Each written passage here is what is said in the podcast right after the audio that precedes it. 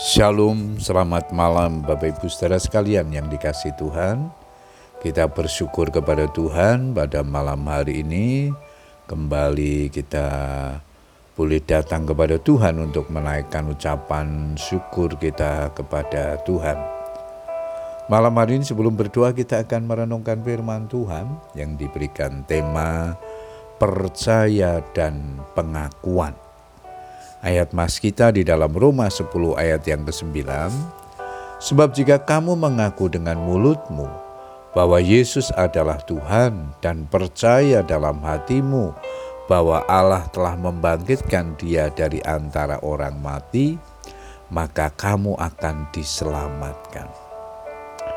Tidak banyak orang Kristen mengetahui rahasia bahwa Percaya dan pengakuan adalah dua hal yang tak terpisahkan dan beran, berperan penting dalam kehidupan kekristenan. Ketika kita percaya kepada Yesus sebagai Tuhan dan Juru Selamat, percaya kepada firman-Nya, maka dibutuhkan pula sebuah pengakuan yang benar melalui mulut kita. Pengakuan yang benar itulah buah dari iman yang hidup Hal itu menunjukkan bahwa hati dan mulut memiliki fungsi masing-masing dalam kaitan keselamatan kita.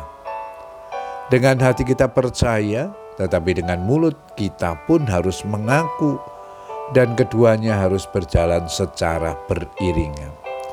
Sebab percaya dalam hati saja tidaklah cukup, harus dibuktikan dengan pengakuan melalui mulut kita. Jadi, apa yang kita percayai harus sejalan dengan apa yang kita akui dengan mulut kita. Percaya kita dan pengakuan kita itulah yang akan memerintah hidup kita dan menuntun kita kepada keselamatan, kesembuhan, kelepasan, dan segala berkat Tuhan dalam hidup kita.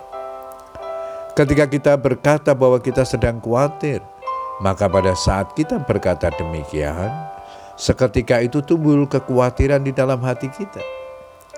Ketika kita berkata bahwa kita takut terhadap sesuatu hal, maka pada saat kita mengatakan itu, ketakutan sedang menghampiri hidup kita. Amsal 6 ayat 2 di sana dikatakan, engkau terjerat dalam perkataan mulutmu tertangkap dalam perkataan mulutmu. Sedangkan Ayub 3 ayat 25, 26 di sana dikatakan, Karena yang kutakutkan itulah yang menimpa aku, dan yang kucemaskan itulah yang mendatangi aku. Aku tidak mendapat ketenangan dan ketentraman, aku tidak mendapat istirahat, tetapi kegelisahanlah yang timbul. Penting sekali untuk menetapkan apa yang kita percaya dan apa yang kita katakan. Sebab firman itu dekat kepadamu, yakni di dalam mulutmu dan di dalam hatimu. Itulah firman iman yang kami beritakan. Roma 10 ayat yang ke-8. Karena itu percayalah kepada Tuhan Yesus yang telah menyampaikan janji firman-Nya dan senantiasalah memperkatakan firman Tuhan sebagai wujud pengakuan kita supaya kuasa firman-Nya bekerja dan berlaku dalam hidup kita. 2 Korintus 4 ayat 13, Aku percaya, sebab itu aku berkata-kata. Maka kami juga percaya, dan sebab itu kami juga berkata-kata. Puji Tuhan Bapak Ibu Saudara sekalian, Biarlah kebenaran firman Tuhan ini memperbarui iman percaya kita sekaligus pengakuan kita di hadapan Tuhan. Dialah Tuhan dan Juru Selamat kita, penolong, pemelihara, pelindung dalam kehidupan kita. Tetaplah percaya dan berharap kepadanya. Selamat berdoa dengan keluarga kita. Tuhan Yesus memberkati. Amin.